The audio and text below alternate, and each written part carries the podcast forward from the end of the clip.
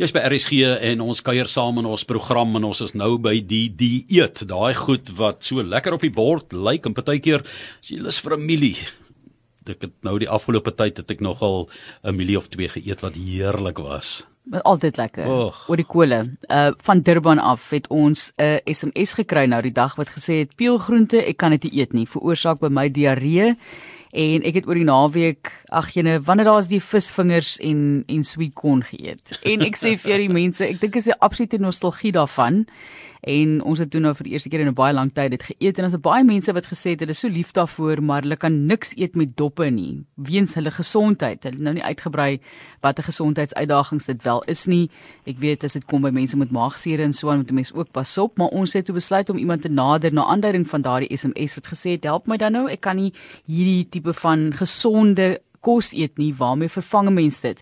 Rita Harmse wat vir ons gaan help, sy's 'n geregistreerde dieetkundige en ADSA woordvoerder, tans in privaat praktyk in Saxonwold Houghton en dit was juist na aanleiding van 'n gesprek met haar. Ons het al klaar iets weer gekry ook van 'n luisteraar wat gesê het, kyk, hulle ek kon nog altyd eintlik maar eet wat hulle wil eet totdat hulle muesli byvoorbeeld vir die eerste keer geëet het en toe het hulle groot probleme ervaar so mense se liggame en hulle reaksie tot verskillende kosse is maar baie individueel en interessant Rita. Ja, nee, definitief. Ek dink jy staan nie spyker op die kop want dikwels is dit 'n geval mens is nog die hele tyd 100% met iets en nog gebeur net eendag wat jy iets eet um, wat nou uit die normale is en dan agterkom jy hierdie reageer nou nie baie lekker met my nie maar ek dink die groot fokusarea en dit wat ons eintlik maar moet beklemtoon is dat geen individu dieselfde is as die persoon langs hom nie so as hierdie raad wat ek nou gee en advies is eintlik so spesifiek tot jou self soos jy sien jy implementeer wat ons sê en steeds nie resultate kry nie gaan sien asseblief iemand ons juis hierso om te help. As jy mens nou kyk na die redes daarvoor voordat ons kom by die tipe van kosse daar's nou baie gedagtes wat my opkom as 'n mens kyk na allergieë, maar nou het ek byvoorbeeld ook na maagsuur verwys, daai tipe van ding. Kan jy vir ons 'n paar voorbeelde gee van hoekom sekere kosse met sekere mense nie akkodeer nie? So daar's verskillende redes daarvoor. Definitief, mens kry een van die mees algemene jy het nou maagsuur genoem, maar ons het ook al, ek dink dit is seker so 2 jaar terug wat ek met jou gesels het oor prikkelbare darmsindroom, wat definitief baie intoleransies. Dit dit dink ek nou in terme van gluten en die reaksie aan laktose en so voort. Um, en onthou om nie die um, byvoorbeeld geprosesseerde kosse sommer maar net een kant te skuif nie, want dikwels is dit ook dat dit is die hoeveelheid soute en preserveermiddels wat maak dit ons 'n reaksie ervaar. En maar dan nou natuurlik ook 'n faktor so stres. Partykeer is dit iets wat ek beveel baie keer vir my pasiënte aan om te hou 'n voedseldagboek, maar skryf ook hoe jou gemoed gelyk op daai spesifieke dag. Want partykeer is 'n stresvolle dag maar net iets wat daai ehm um, reflux en ehm um, swaaibrand kan aktiveer. So dit is baie keer baie meer as net net 'n spesifieke siekte, maar mens kan maar dink aan enige maagtipe siekte en dan ook geneig aan aan vertering wat wat daai ongemak kan veroorsaak. Denise het die SMS gestuur en sê kan nie mielies en sade eet nie, my dikterm kry inflammasie en dis baie interessant. Ek wonder hoekom dit inflammasie sal veroorsaak en sê ek eet nou die 100% smooth whole wheat brood en kiewerertjies. So dit is daardie persoon se oplossing is vreemd dat iets wat mense sal dink sade byvoorbeeld, kos vat net sade wat eintlik ons nou baie gesond vir jou is, dat dit inflammasie kan veroorsaak. Presies en ek dink presies vir daai wat daardie um, luisteraar na verwys is as mens kyk na die klein saadjies of enige iets wat bietjie meer grof is, ons noem dit in Engels roughage, um, maar daai ekstra vesel, wat partykeer gebeur is in die wat die vertikulum is so partykeer 'n klein sakkies wat hy maak. En as dit dan as daai saadjies daar vas sakkie gaan vassteek en hy bly nou onverteer daarso in ek of vas dan is dit op die ouene wat inflammasie veroorsaak. So van as hy nou daar vas sit en nie uitgewerk word nie, dan is dit ook o, oh, ons moet daai sakkie ontslaa raak. Ja, maar terwyl ons hom laat gesond word, dis hoekom mens gaan na die sagter kosse toe wat dan nou nie byvoorbeeld iets soos tomatie, so saadjies, mens dink nie daaraan nie. maar dat dit op die einde nou nie daar vas uh, vas uh, val in die dikdarm en die ongemak en pyn en dan nou ook inflammasie veroorsaak nie.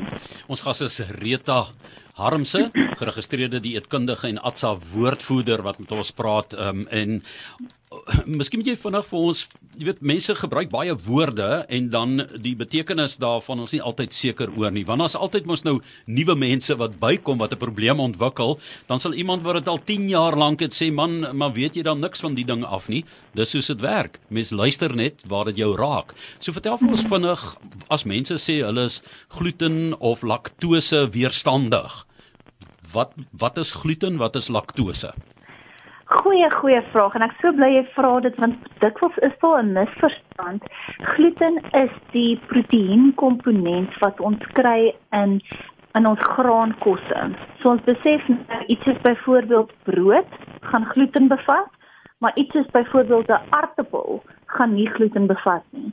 So wat dikwels gebeur is as iemand sukkel met gluten, is dit dat hulle sommer alle goeie koolhidrate wil uitsny. So waar jou aartappel of jou soetpatat nou glad nie 'n reaksie sou sou toon nie, is dit sommer dan iets wat ook oor die voor die voet uitgesny word. So dis nou gluten. Ehm um, laktose, dit is die melksuiker. So jy sal weet byvoorbeeld as mens kyk na sukrose, is dit nou jou tafelsuiker, maar jou laktose is die melksuiker komponent wat die liggaam dan ook moeilikheid het om om af te breek.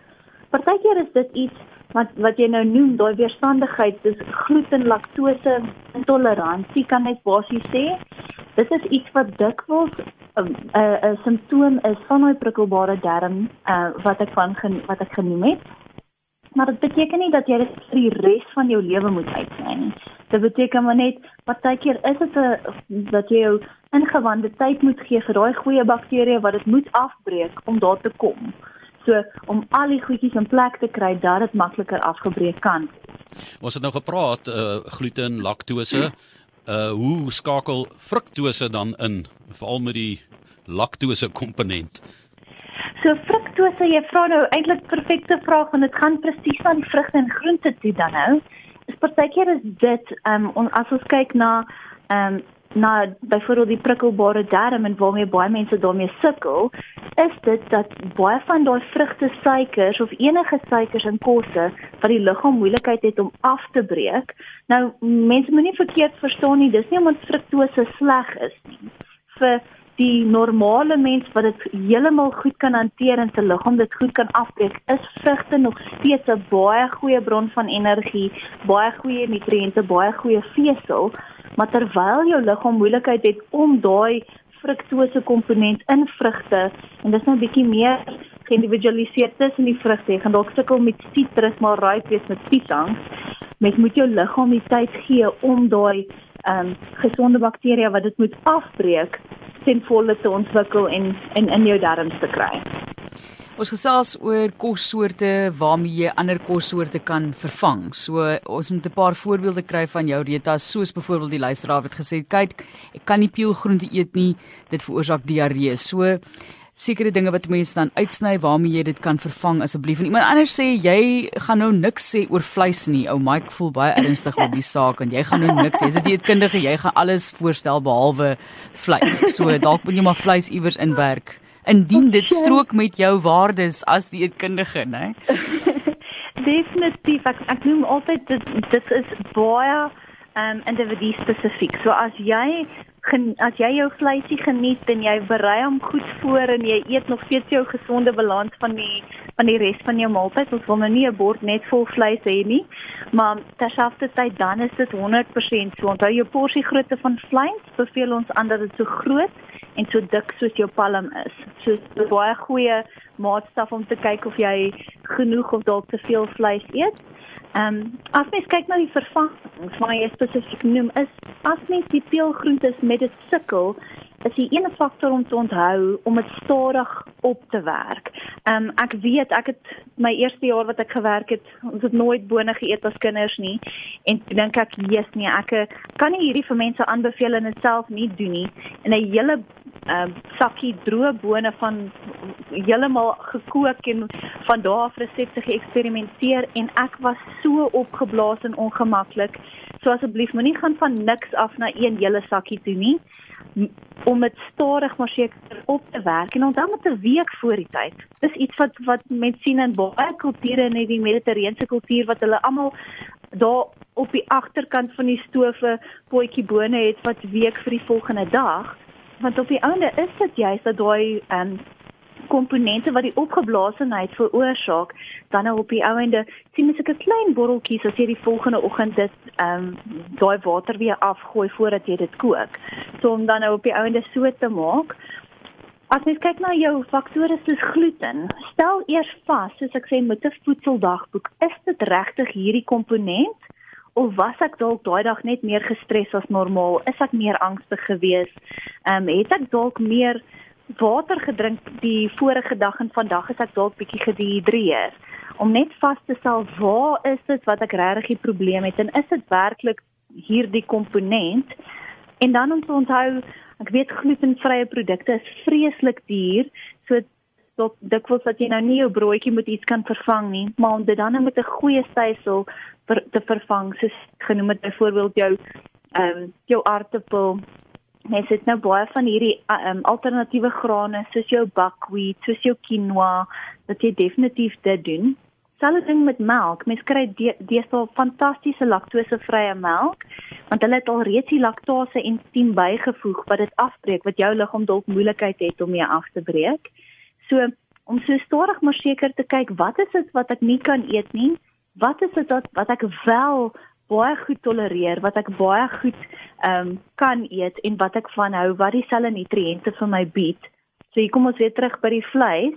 As jy sukkel om daai peulgroente te ehm um, in te neem en te tolereer, onthou vleis jou eiers goeie bronne van proteïene wat jy dan in die plek daarvan kan inneem. Dit is my so interessant een van die dinge wat jy genoem het Rita, ehm um, terwyl ons afsluit is dat uh, die woord patat het baie sterk na vore gekom vir 'n baie goeie plaasvervanger, maar ook dat jy weet die lang energievrystelling van 'n patat. Dit lyk my dit is nou uh, ook so ietsie wat nou weer op die tafel verskyn het, maar mhm. weens gesondheidsredes.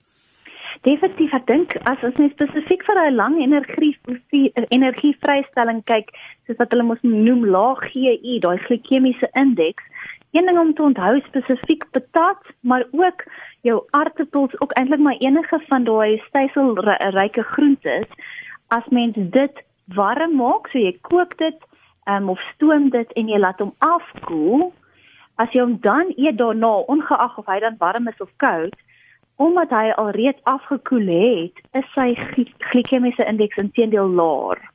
So As jy jou patat eet, maar jy het hom reeds gekook en afgekoel en dan weer warm gemaak, intedeel gaan dit dan nog 'n stadiger vrystellende um, energie wees, um energiebron wees. En onthou, as mens op die ouende daai skil aanhou, as jy agterkom ek is al right met die skil, dat daai ekstra skil is ekstra vesel wat ook maak dat dit jou langer volhou.